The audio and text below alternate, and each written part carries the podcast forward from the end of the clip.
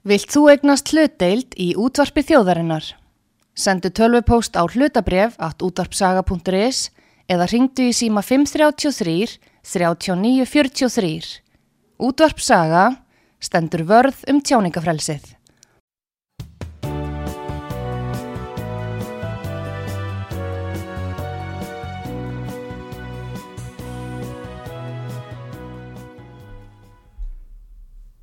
Já, góðir hlustendur, góðan og blessaðan daginn.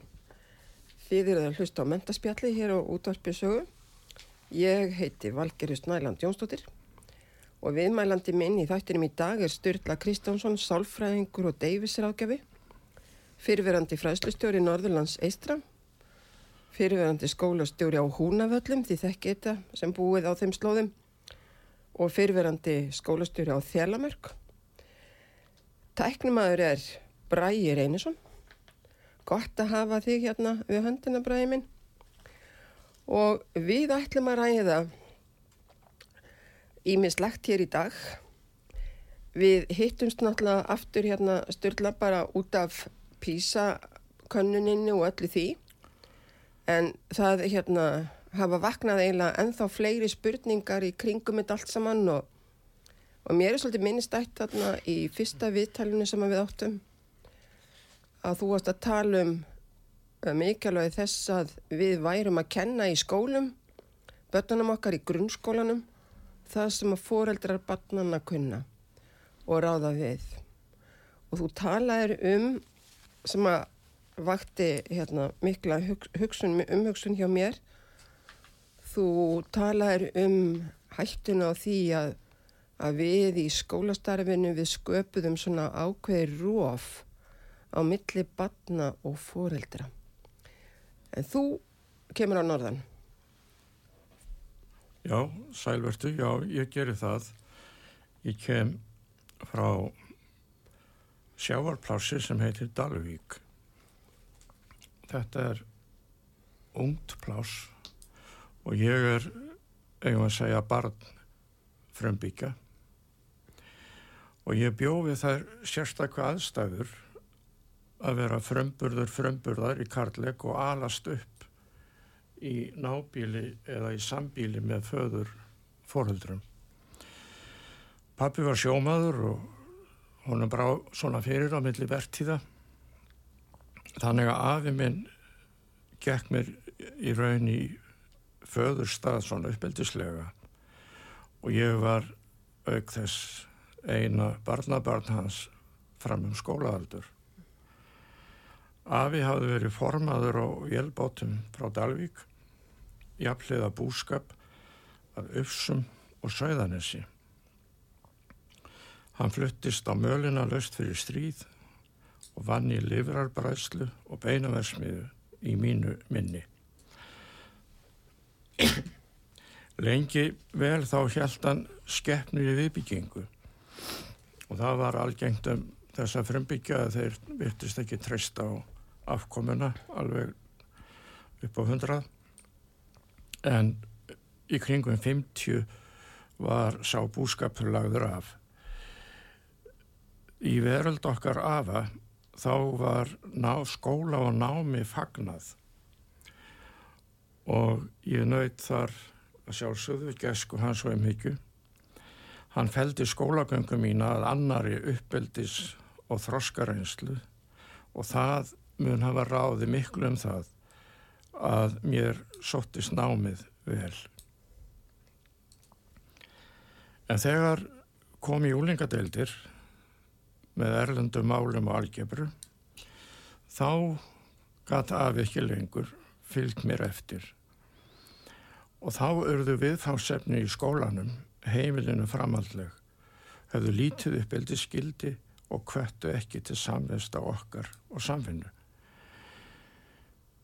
Og það sem var kannski og er verra að aðtapna kvartanir í uppeldinu voru lítilsvirði í skólanum, námsefnið og kjenslan sömuleiðis úr tengslum við þann uppeldislega veruleika og þá framtíðarsín sem umhverfið og daglega reynsla mörguð okkur. það er að gerast á þessum árum að frumbyggjar byggðalagsins og, og börnin þeirra hveða sér hljóðs sem einhver römmustu aðtapnaskáld þjóðarinnar og enn í dag er hvergi betur hveðið. Þótt svo kraftaskáldin eða ekki öll verið mikil smetinn í skóla. Lífið var fiskur og sem í fjörðum var fallegt á Dalvík þegar vel fiskaðist. Það var fallegt á vorin þegar opnur smábáttarjar á víkina, fyltu litlubryggjuna á ángandi góðmeti dag hvern og sílungurinn fyttaði sig á bryggjuslórinu áður en hann gekk í dalsána. En hljómar vorsins voru aðeins forleikur stórverksins sumar symfoníunar sem slegin var á silfurstrengi hafsins. Þá var allt undirlagt og enginn var ósnortin. Alla, allan sólarhingin að nóttu sem að degi hljómaði þessi magnþrungni óður til lífsins í samflutningi í búana, jafnvel svo dögum skipti.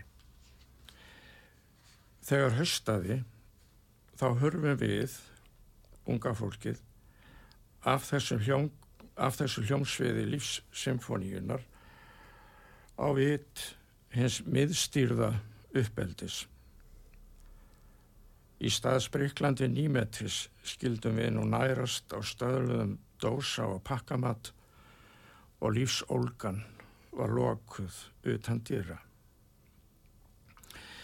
Segja má að tengslaleysi skóla og umhverfis hafi í raun speiklað virðingaleysi eða vannmátt skólans og kom þá oft hart niður á nefendum.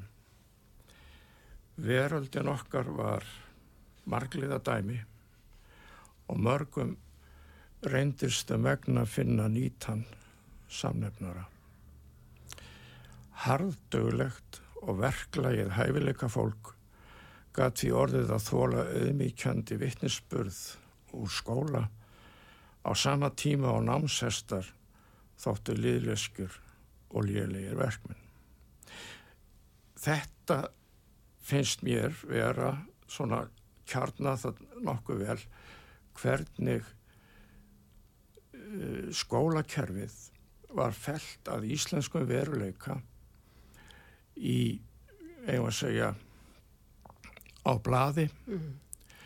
en í raun og veru var að reyna yfirfæra borgar aðstæður út í þorp og sveitir á Íslandi og þá var þetta róf að mínum aðti á milli heimila og skóla mm. vegna þess að skólinn er að reyna að bóða eitthvað sem þekkist ekki eða lítið í umhverfinu. Ég minnist þess ekki að hafa lært nöfn á fjallónum í kringum Dalvíkina, að hafa farið í ferðir upp í hlýðar og lært nöfn á mismunandi plöntum og jörtum eða farið um fjörurnar og lært um það sem þar var að finna.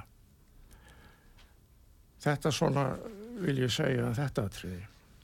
Mjög merkilegt umhugsunverst. Ég held að þessi pistill gæti nú bara sóma sér vel hjá þeim sem er að fara að huga að nýri aðalnámskrá en mér skilst að hún sé sem sagt svona í mótun Já veistu það, ég er voðalega lítið ég hef lítið álit á námskrán mm -hmm. mér finnst það er vera allt of bjóðandi allt of mikil fyrirmæli mm. mér finnst að námsskrá ef við notum það hugtak að þá eigi hún miklu frekar að vinna að því að skapa aðstæður til þess að við getum sem best leitt börnin inn í þann veruleika sem þau alast upp við mm. og það eigi einungis í, eigum að segja, námslegum fyrirmælum, eins konar námskrá að sjá til þess að börnin fái leðsögn og aðstóð við að læra á umhverfi sitt. Þess vegna sakna ég kannski þessar bókar sem að ég nefndi við um daginn væri kannski besta kjenslubók sem hér hefur gefin út og hétt áttagafræði og það mun vera í raun og veru unnið dálítið eftir norrænum fyrirmyndum þar sem þeir tala um orient, orient, já, orientation. Já, í, í Danmörk er það orienteringsfag. Orienteringsfag, já. Já. og þar er í raun verið að aðstóða börn og úlinga við að geta staðið tröstum fótum í sínu eigin umhverfi. Geta fóta sig ef þau fara að reyna að vika reynslu heiminn og eiga alltaf þetta öruga atkvarf sem að er sá kjarnir sem þú ert alin uppið. landafræði 1960 með kennslu í landafræði skal að því stemt að nefndurnir öðlist landfræðilega þekkingu um sitt eigi land og nágrannulöndin kunni helstu skil á landafræði fjarlæðara landavísu og þekki til landaskipunar í heiminum. Heyrðu en 7-9 ára börn. Þar sem sagt átti að leggja grundvöllin að landafræðikennslunni í áttagafræði tímum. Þar sem meðal annars er miðlað fræðslu um helstu landfræðileg fyrirbrigði í nánasta umhverfi bassins. Hvernig lærður þau fjallanöfnin og náttúruna þarna í, á uppeldisárunum? Hver var það afi sem að sá um það? Nei, sko, það var uh, þetta átti öruglega að vera í landafræði í skólanum en ég man ekki eftir neinu svona markvissu ferli í þeirri kjenslu. Ég man ekki eftir því. Ummitt, já. Ég til dæmis fyrir þá sem að hafa komið þarna á Dalvíkina þá er dálítið svona sérstakur fjallarhingur Mjög, við getum hort á fjallin frá Gjögur tá og inn yfir Eyjafjörðin og fram í dalin okkar og, og svo út með að vestan.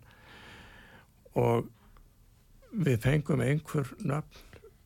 Ég sagði allir hafi nú þekkt fjallin fyrir ofan Dalvíkina. Eh, þó annað er að gengi nú undir tveimur nöfnum, ímist uppsafjall eða bæjarfjall og svo bakustæðafjallið og þar held ég að sí- jú, síðan líklega Karlsársettin verið nokkuð örugur inni. Og þar með eru staðsetningarnar komnar held ég á, á flestu því sem er börn svona gripu upp. En ég þykist sjá það í dag að við eigum alveg frábært tækifæri til þess að ganga nú skörulega til verks um að uppfylla þetta frá námskráni 1960 með því að nota dróna til að fara um og mynda landið okkar. Hugsa er. og uh, ég veit eins og ég held allir aðrir að börn eru forvitin. Mm. að börnum finnst gaman að læra í raun og veru. Gaman að tengja saman hluti sem að þau geta skinjað á mismunandi vegu og þannig í raun að varðveita og, og búa til nýja þekkingu. Og ég held að augað sé öflugasta tæki sem við eigum öflugasta skinnfærið í þekkingaröflun. Og þegar við höfum orðið þessa möguleika þá tel ég að það sé alveg beðsinn að nýta þá alveg út í ístu æsar. Í einhverjum þáttunum hérna þá var ég að nefna í tengslum í starffræði að í þessari indislu námskrá hérna frá 1960 sem ég er alltaf að veifa að þá áttu öll börn að vera búin að læra markvölduna töfluna tíara. Og ég sé hérna í sambandi við tíara börn, það bara snýst um Ísland og mér finnst það eins og ég muni eftir þessu, þessari kennslu þegar ég var 1960 skilu, tíara.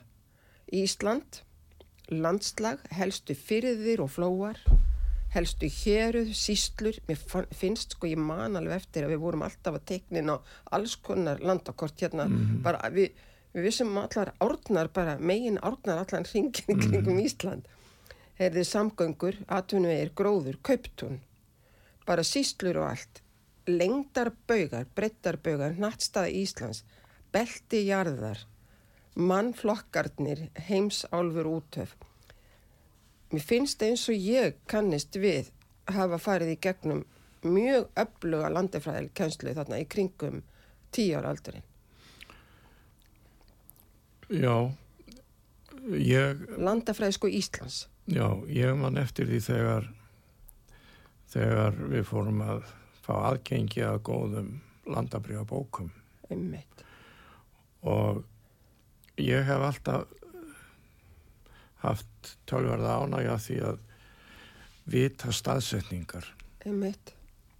og það fylgir mér það mikið að lengi vel áður en að tölvu, áður en að tölvunar komið með möguleika til uppsláttar þá hefði ég stóran atlas við hlýðin á mér í stofinni til að geta flett upp á, á þeim stöðum sem var verið að tala um til dæmis í erlendum fréttum en það er nú ekki það sem skiptir máli þú nefndir starffræði Já.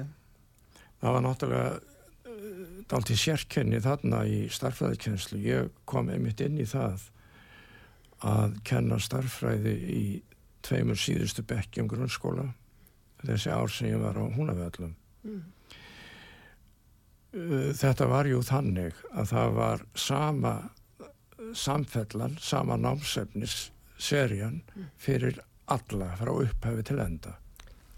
Og þegar að koma prófum þá var sama prófið notað fyrir öll börn frá fyrstu bekkjum og upp í síðustu bekkina. Þannig að það var útilokað að fá herri einhvern en kannski tvo og þrjá og fjóra í yngstu bekkjónum.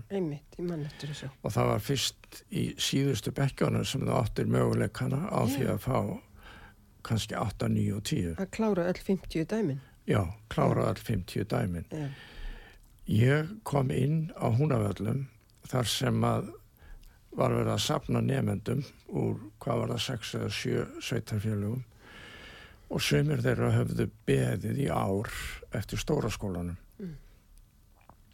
Þannig að þau voru á eitthvað á mísjöfnum aldri en, og komu úr mísjöfnum aðstæðum og þegar að ég fæ þetta svo í fangið að fara að kenna þeim reikning eða starfræði þá var staðan mjög sérstök. Og það var þau voru allstaða stödd í raun og veru. Og þetta var dálítið vandamál fyrir mig hvernig óskupanum ætti ég að fara að þessu. Svo datt ég eða ég svona vann mig nýður að ákveðinni ákveðinni aðferð, ákveðinum umbúnaði og kynnti það svo fyrir bekknum. Og ég lagði þetta þannig upp að til þess að tryggja að allir kæmust öruglega í gegnum lokaprófið þá ætlaði ég að nota tíman í það að endur vinna fyrir hlutan á námsefninu þannig að þau væru með nokkuð góð, gott öryggi á fyrri helmingi prófsins. Og ef að þeim tækist að skila því öllu þá var þau komin í gegn. Við myndum örgulega komast eitthvað lengra. Við myndum komast líklu upp í 70-80% og þannig vildi ég fara. Tryggja það að þau gerði ekki villur á þeim atriðum sem að voru þeim auðveld. En þau hefðu kannski ekki lært á sínum tíma og svo aldrei leitt hugan að því eftir það síðan skildi ég taka svona nokkra daga í ef að segja aukað kjenslu fyrir krakkana sem voru sterkastir Mm. í þeirri von að okkur tækist þá að koma þeim upp í þá stöðu að geta jafnvel skilað öllu í prófinu. Mér er það minnistætt að þegar við vorum að fara yfir prófið um vorið heim í stofu, pródómarinn var, var hérna einn skólanundamanna og þegar við vorum hálnaðir við fór, ég hef vanið mig á að fara þannig, eða vandi mig á það að fara þannig yfir próf að ég tók aldrei einn nefnda í einu. Ég tók alltaf eina spurningu í einu og hjá öllum nefndum. Mm. og þannig væri svona tryggast að vera með nokkurnu einn jafna vinslu á spurningunum hversa nefandi væri. Og þegar við erum hálnaður um prófið þá leggur pródómarinn frá sér pennan reysir sig upp í sætinu og segir hvað er að gerast. Ég hef aldrei séð þetta svona áður. Það eru nánast allir með allt rétt. Eðlilega. Vegna þess að við erum að endurvinna ferlið og við erum núna að fara yfir hluti sem nefnundur hafa þroska og getu til að setja í samhengi og sjá heldina. Mm. Og þú ferð ekki að gera svona, ef að kalla það rítvillur eða, eða eitthvað þvíulikt. Nú, niðurstað var svo að einhvern úr svona prófi, hún fór upp í einhverja 6 eða 7 að meðaltali og það fjall enginn. Auðvitað ekki. Neini. Og þessi bestu komist upp í sína nýjur og tíur. Yeah. Uh, þetta er spurningin um að sjá alla hluti í samhengi. Ég veit það núna að þarna var eitt atriði sem að uh, ég kunni ekki og þekkt ekki þá sem að hefði sennilega skilað þessu sama og það er það að gefa börnum það sem, eða þjálfa þau upp með það sem ég kalla orði núna svona í gamansömmun tón starffræði appið og þá á ég við það að því að við höfum nú verið að vinna með þetta bæði lestur og starffræði í Davis-kerfinu Mm. að þá legg ég áherslu á að það er ákveðin munur, ákveðin eðlismunur á því hvernig tákn eru notuð annars verið lestri og hins verið starffræði. Bókstafinir sem táknin í lestrinum og tölustafinir sem táknin í starffræðinni. Uh, bókstafinir í lestrinum eru því eðligættir að þeir hafa enga merkingu. Þeir eru bara byggingarefni fyrir orð og þegar þú ert búin að raða ákveðnum bókstöfum á ákveðin hátt að þá getur þú sagt aha, það er þetta orð. Og þetta orð hefur þessa merkingu. Þannig að þegar ég sé orðið á prenti þá upplifi ég merkinguna. Þess er öðruvísi farið í starffræðinni þar hefur hver og eitt tölustafur sína merkingamind og ef að við getum lagt það inn hjá nefndunum að á bakvið hvert tölutákn, hver, hvert tölustaf er ákveðin merkingamind og að fyrirmælin í, í ritttáknum starffræðinar, hvað þau þýða, hvað þau segja um hvað þú átt að gera, þegar þetta er komið inn, að þá ertu eins og komin með starffræði forrið í heilan og þá getur þau allt mm. þú getur reknað allt mm. starffræði er ekkert erfið mm. það er ekkert erfitt fyrir heilan ef hann fær réttar aðstæður og, og rétt þegar maður kalla það rétt ferli og rétt innleg og rétt streymi. Heilin, hún er alveg sama við hvað hann fæst. Það er allt jafn einfalt ef rétt er það farið. Já, ég kom ekki út í máa. Nei, veistu það, mér þetta alveg frábært, þetta passar mjög vel inn í bara, ég fylgdi þér algjörlega og, og var hugsað til nokkura svona framhaldsskóla nemynda sem hafa komið tímin undarfarið vegna einmitt erfileika í starffræði og ég var bara að hugsa um leið og þú varst að segja þetta hérna bara ég var að velta því fyrir mér sagt hvar hérna hvar hindranirnar voru á mm. veginum og það gerist ekkert í framhaldsskólanum. Nei, sko hindranirnar eru náttúrulega þar að mm. uh, þú getur ekki stund að skólanám nema að læra ákveði verklag. Og fá í hendunar ákveði verkfæri sem þú átt að nota við námið. Mm. Og ef þér er ekki kent að nota verkfærin en síðan skipað að vinna vinnuna, þá hlýtur það að mistakast. Nei, ekki, það er ekki rétt að segja að hlýtur að mistakast, þá eru mikla líkur á því að það mistakist. Yeah. Ef við treystum það að þú kant að nota verkværin og kant að beita þeim, mm. ef við treystum það áður en þú fær verkefnið sem þú átt að vinna, mm. þá getur inn í verkefnið. En það sem að þú hérna, líka kom upp í hugan þegar þú varst að tala um þetta áðan að það hljómaði svona eins og það sem þú varst að segja frá að þá hefði verið tengsl á milli sennilega aðal námskránar sem var bara kvöldu námskrá þá námsbókana sem að fylgdu þá sennilega námskráni og verkefnana sem þú varst að vinna. Það er eins og það hafi verið tengslan á milli alls kervisins. Meinarðu hjá mér? Já. Eða sem að þú er, þetta er það sem Já, er matreitt fyrir Sko, þig get- af ég get- kerfinu. Ég get heimfært það sem ég er að gera eigum að segja í staðin fyrir að ég eigi að einhvern veginn að nýta mér hráefnið mm þá kemur afi minn á milli og matræðir það á þann hátt að hann veit að það mun meldast vel einmitt. og þar alveg þetta flýtur þetta þetta er bara það að vera til Mm, einmitt. Þetta er ekkit erfitt, þetta er engin átök Mm. er, það er ekkit niðurlag það er engin skömm það er engin engin hræðsla við að verða gjalli eða verða til skammar Nei, eða, verða skammaður Nei. þetta er bara eðlilegt líf Mm. og maður er leittur inn í lífið af umhyggju og, og ef að segja bara góðmennsku Mm. Eh, eru til einhver eitthvað skrifilegt um þetta sem þú ert að tala um? Ég var að hugsa hvort þú ættir ekki að, að taka saman svona eh, hérna, kennslufræði bara sem er bara byggð á reynslu og, og hérna íslenska skólanum. Ég er alltaf að leita að íslenska skólanum. Já, ég ætlaði nú heim í matum sjölutið Já, já. En þetta, það sem líka nefndir þarna áðan einhver tíman, Mm. myndi mig á að, að ein vinkona mín, hún bjó einu sinni á nýfundnalandi Mhm. og var með börn þar í skóla.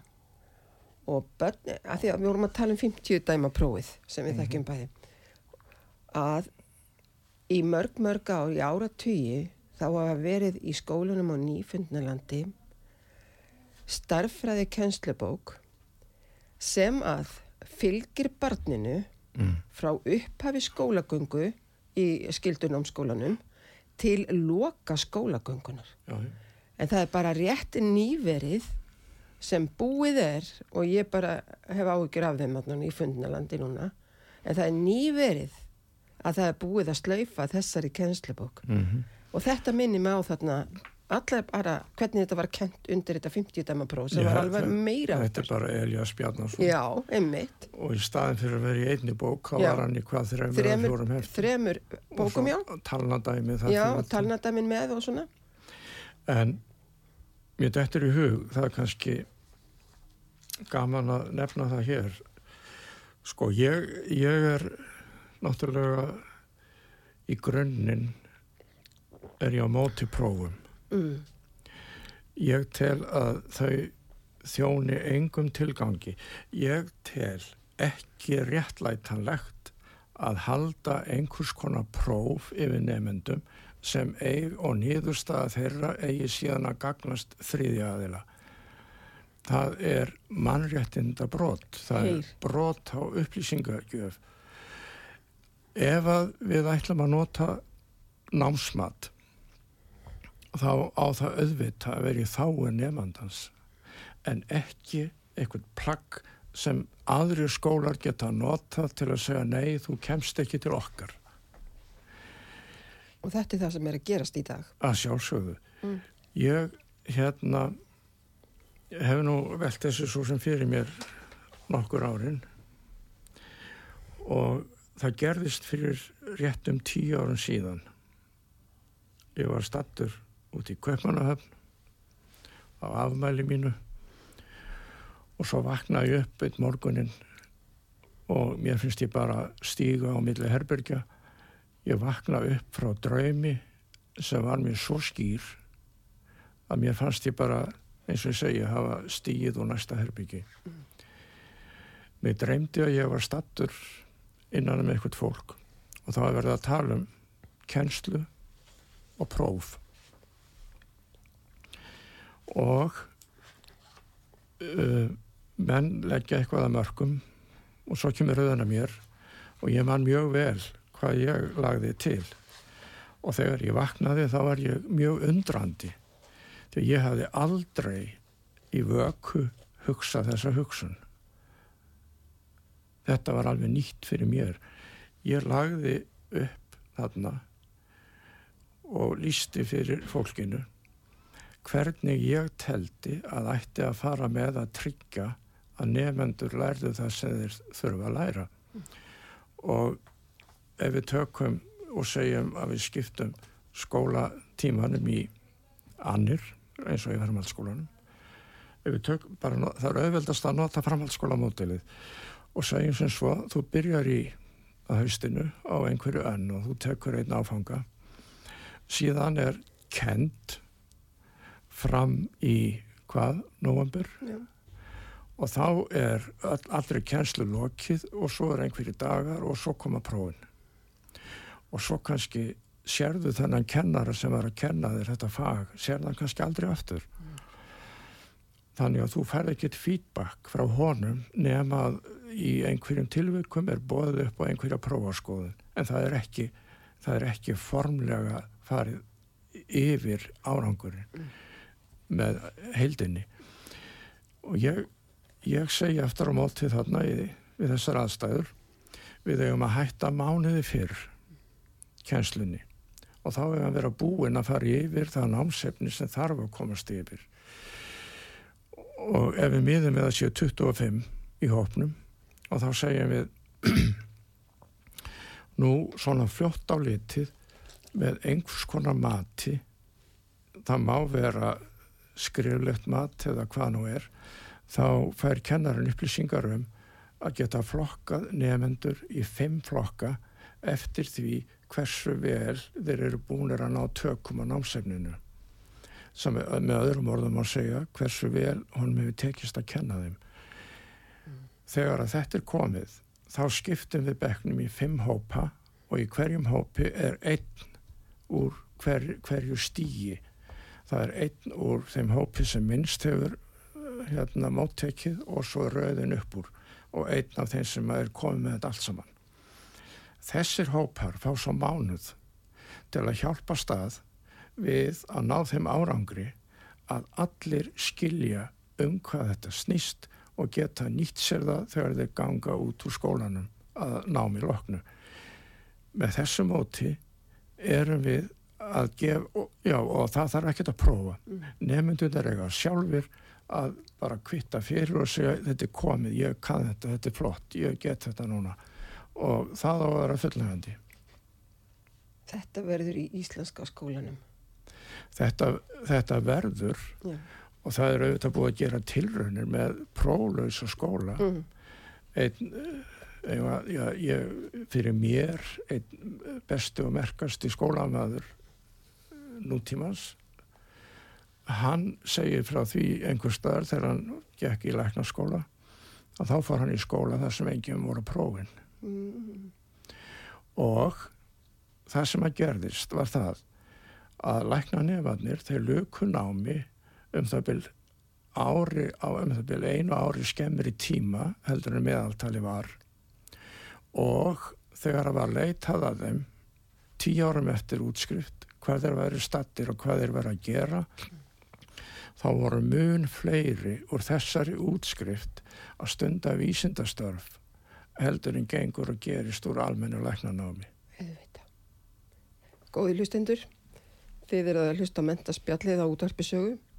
Við erum hérna, ég Valgerður Snæland Jónsdóttir og Sturla Kristjánsson, sálfræðingur og Davis ráðgjafi, fyrirverandi fræslustjóri Norðurlands Eistra, skólustjóri á Húnavöllum og Þelamörk með meiru.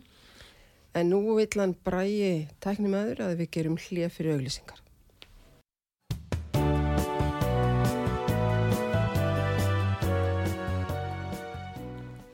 Já, góði hlustendur, við erum hér í mentaspjallinu á útvarpisögu.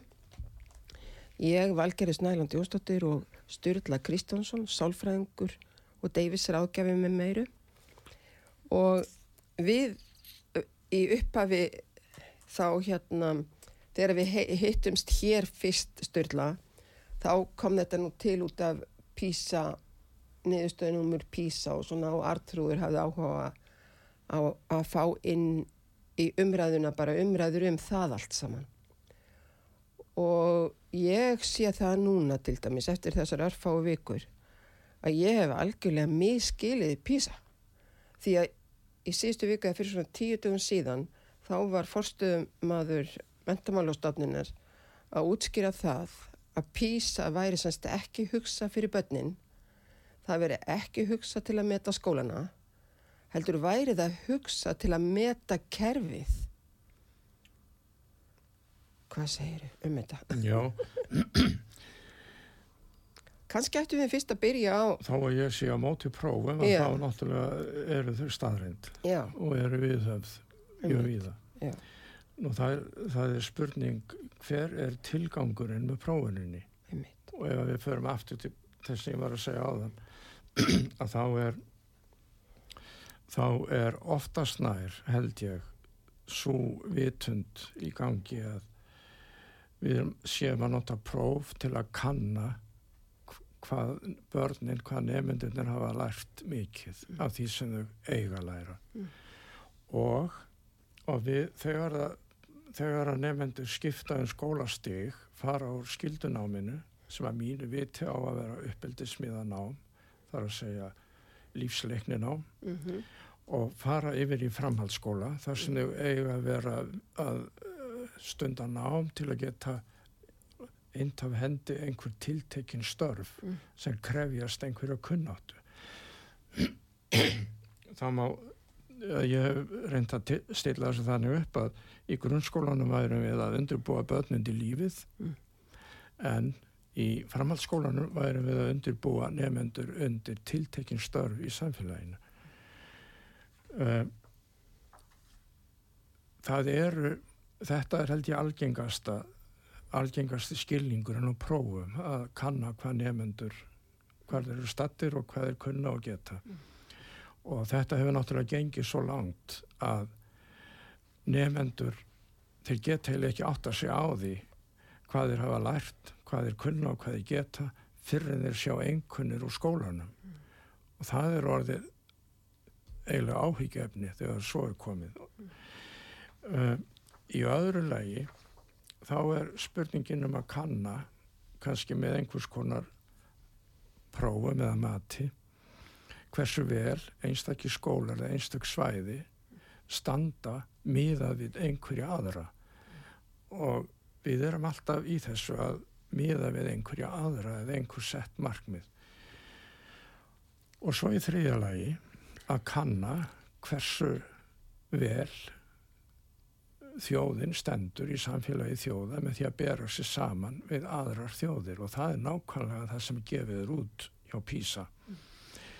Það er semst ekkert mat á því í raun hvort að það sem við erum að kenna börnum skiptir miklu máli heldur að verða að kanna hversu vel þau geta endurvarpað uh, þeim námsárangri sem þau eiga að hafa náð og hversu vel þú standa miðað við börn í öðrum aðstæðum og öðrum þjóðum. Ég býst við að þarna hafi leið svo hugsunabaki að þeir sem að kannski stæðu svona höllum fæti að þeir hefðu þarna ástæðu til að kanna hvað þeir væri að gera á annan hátteld en hinnir sem að best standa. Og nú þekki ég ekkert hvernig þessi vinna fyrir fram en ég held að það sé í raun atriði sem að ég veit ekki ég veit ekki til að sé kannað í þessum prófum. Það er hversu vel eða hversu mikið gildi hefur nákvæmlega það sem við erum að kenna börnunum til þess að þau geti lifað glöð og ánægð í samfélagi framtíðarinnar uh, erum við semst að kenna þeim eitthvað sem skiptir máli erum við að kenna þeim eitthvað sem allir þurfa að kunna og vita og það er alveg þannig fóreldrar þeirra líka erum við að kenna þeim starffræði sem að allir þurfa að kunna og vita í samfélagi nútímans og mannstu þegar það var eitthvað fár fyrir einhverjum árum Mm. út á starffræði dífu sem við tókum einmitt. og var allt vittlust í viku eða svo Mm. þá dætt mér í hug að það getur nú verið gaman að kanna Mm. eh, hvort að við erum að kenna þá starffræði sem að allir þurfa að kunna og vita Einmi, það er forutnileg spurning. og fara þá þannig að að taka næsta starffræðipróf þannig að við værum með prófið fyrir börnin annað fyrir mæðurnar og þriðja fyrir feðurna. Og svo sætu þau í sitt hvori stofinni börnin, mömmurnar og papparnir tækju alls sama prófið. Ef börnin koma mun verð út en foreldrarnir þá er eitthvað að kjenslunni ef foreldrarnir koma mun verð út en börnin þá erum við að kenna eitthvað sem við höfum ekkert með að gera því að foreldrarnir hafa klárað sér í lífinu og geta lifað áfram sínu lífi og geta aðstóða börninu og komið þessu fótónum þó þau kunni ekki þá starffræði sem verður að kenna börnunum. Snildar pæling. og þá ættum við að nota tíman í eitthvað uppbyggilegra. Mm. við höfum ekki að nota tíman í skólanum á þessum þroska þroska árum. Við höfum ekki að nota hann til að ala á vonbregðum og dæma börn niður og benda þeim á að þau séu heimsku eða löt eða hvað nú er við eigum að örfa þau en ekki að refsa þeim En mér finnst þeim eins og niðurstöðnar úr PISA.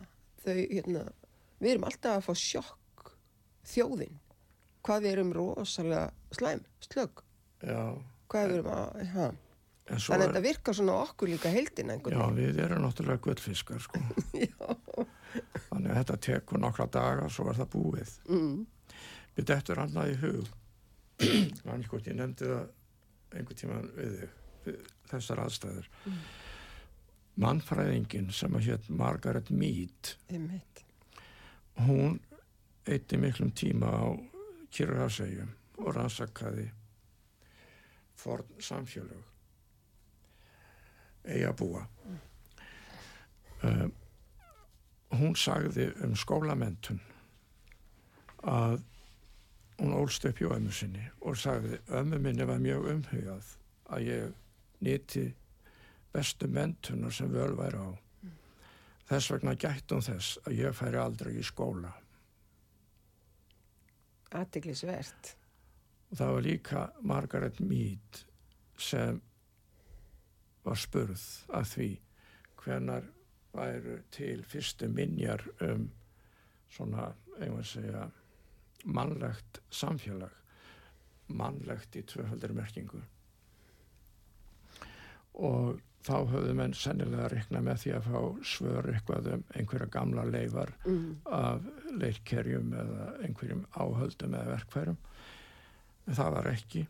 Eftir að hugsa sig um þá svaraði hann að fyrstu minjar sem hún hefði fundið um mannlegt manna samfélag væri þegar þau fundu gróin lærileg. Já. Hvað þýðir það?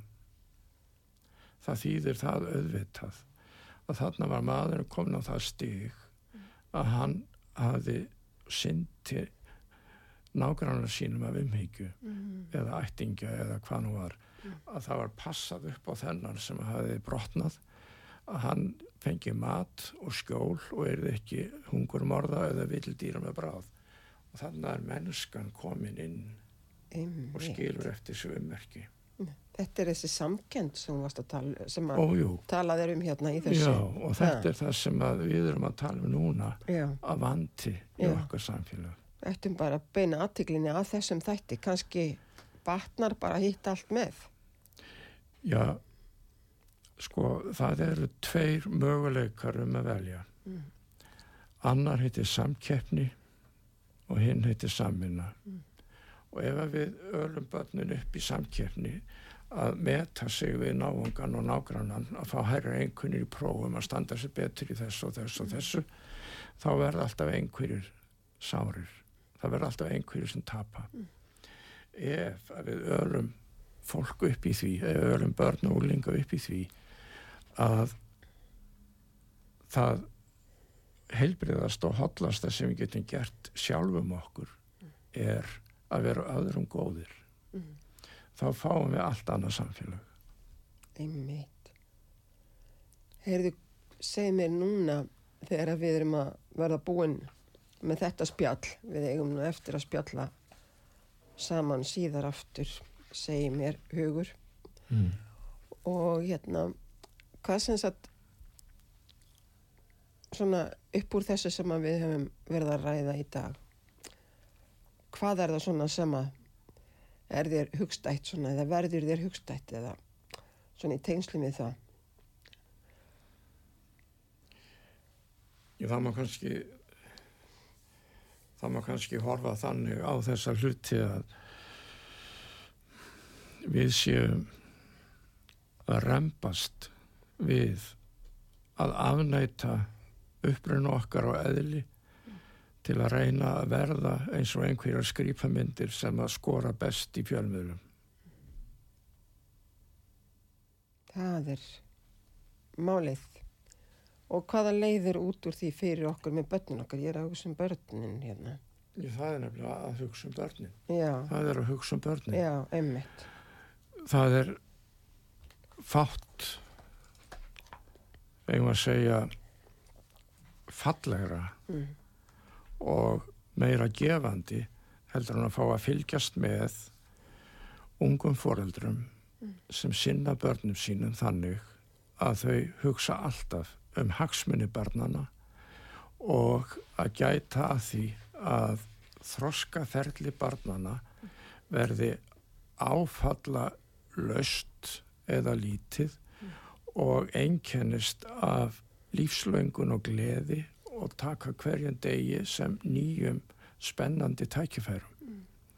Í staðin fyrir að börn séu kannski upptökjun af því að hvernig eigið þá að forðast óþægindun með því að verða illt í maganum þurfum við að fara í skólan eða fá höfuverk eða hvað nú er.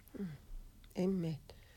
Ég sá í vikunni að, að kennarar í Kanada eru að, að fjölmenna í stórum og miklum göngum þar sem að hérna, þau eru sagt að fara í þessar samstöðu göngur fyrir börnin. Mm að því kennararnir í Kanada ætla að standa með börninum. Já, ég, þetta er farið fram hjá mér. Já, Ég bjó um nokkur ára bil í Kanada og þá kynntist ég því sem kallað er heimakensla einmitt. sem er tölvert útbreytt þar Mm. og virðist skila góðu samanbyr líka umæli Margaret Mead Mm. uh, skóli er bara eigum að segja ill nöðsin þar að segja að skólin er afsprengi einhverra þátta í samfélaginu sem gera það að verkum að börn og foreldrar get ekki alist upp saman. Ég meina foreldrar er alast upp ég er enn að alast upp.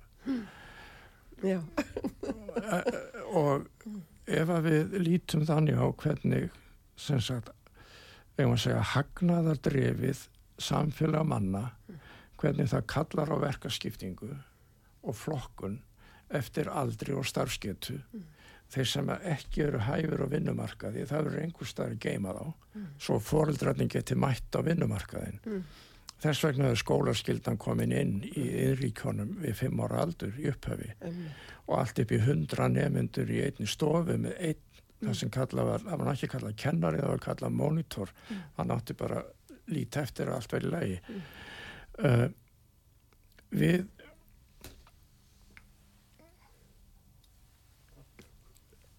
þetta, þetta fyrirkomulag að taka inn skólaskilduna hvar var ég? Hvernig, hérna, já, segðu mér, ég ætlaði að mynda að spyrja þig áðan um, sem sagt, við vorum fyrst bara með fræðsluskyldi. Já, Síðan, hérna, hvenar er það sem að við breytum kerfinu okkar yfir í að vera skólaskylda? Sko þetta kemur, það kemur náttúrulega þannig inn í upphafi að foreldrum er ætlað að Mm. sinna Já, grunn þáttunum eins og einmitt, alveg fram eftir öllu. Já, en það er ekki fyrir en 1936 mm, sem að reknaði með því að lestrakenslan sé komin inn í skóla. Mm, á þessu tímabili þá virðist mér eins og það sé uppi tvær megin stefnu í lestrakjænslu. Mm. Önnur sem byggir á skilningi og hinn sem byggir á hljóð, hljóðalestri. Mm. Og við vitum hvor varð ofan á Mm. því miður. Já, já, einmitt. Eitthvað sem þú vilt segja svona í lokin á þessu mentaspjalli, Sturla? Það er nú svo sem ekkert svona sem að kallar á, Svona, á mig. nei. Engin draumur? Nei, ekki. Jú, náttúrulega, sko, ég er með fullt höfuð af vökudröymum. Já, einmitt. Það er að segja okkur einn í lokin. Við hefum örfa myndur eftir. Ég uh, setti fram fyrir nokkur löngu síðan hugmynd að því að breyta skipula í skólakerfinu. Mm. Að uh, fella betur saman leikskóla og grunnskóla Mm. og láta eiginlega skilin verða mjög fljótandi og taka ekki fyrir neinar svona skilgreinda námsgreinar fyrir en setna Mm. en nú er og síðan að stitta skildunámið Mm. og láta börn útskrifast úr grunnskóla á fermingarvorinu. Ég held að við verðum að verja uppeldis skólan fyrir ágangi mentunarskólans. Mm. Ég held að við verðum að verja uh, þá speki í skólastarfi að skólinn sé að ala börnin upp og sé að gangsetja vélina maður frá útlimum og upp í heila og við verðum að verja þetta skeið og þetta, þetta þroska skeið til þess að það fáir sem best að mótast á dafna. Og þá vil ég stitta skildunámið síðan vil ég bæta inn frjálsum miðskóla. Mætti kannski vera þrjú ár. Þar er þið snúið meira að því sem að við getum kallað unglingamálum þar er þið farið yfir í yfir í skapandi hluti það verður farið yfir í tónlist yfir í allt hvað nú heitir sem börn og unglingar eru upptökjun af. Þegar þau síðan eru búin að átta sig á því hvers þau eru megnug í með því að velja sér sjálf við þónsefni þá er spurningin um að fara að velja sér stað í starfi í framtíðinni. Og þá takjum við þryggja ára framhaldsskóli. Og þau geti komist fyrr, þau geti klárað miðs, miðstíð frjálsa skólan árinu fyrr ef þau vilja það, ef þau eru orðin örg á því hvað þau vilja læra eins og við kallum það, þá geta þau farið árinu fyrr inn í framhaldsskólan, starfsmiðaða framhaldsskóla.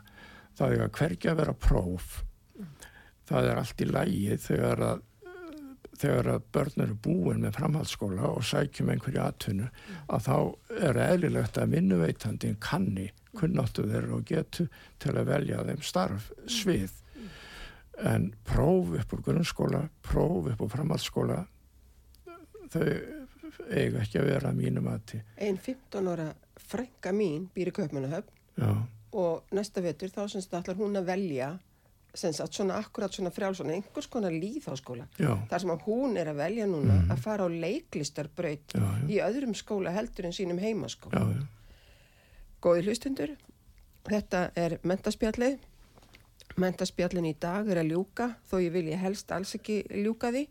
Bræði tæknumæður er einlega á sama móli, en við verðum að standa tíman. Ég heiti Valgerður Snæland Jónsdóttir, viðmælandi minn í dag hefur verið Sturla Kristjánsson, sálfræðingur og deyfisrákjafi, fyrirverandi fræðslustjóri Norðurlands Eistra, skólastjóri á Húnavöllum og fyrirverandi skólastjóri á Þelamörk. Ég þakka þér styrla innilega fyrir skemmtilegt og fróðilegt spjall. Þetta er ekki okkar síðasta spjall.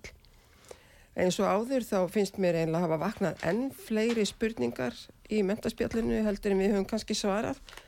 En hérna, við förum með þetta allt saman með okkur út í lífið, höldum áfram að pæla og eigum eftir að ræða saman en þá frekar síðar. Góði hlustundur, takk fyrir að hlusta, lifið heil.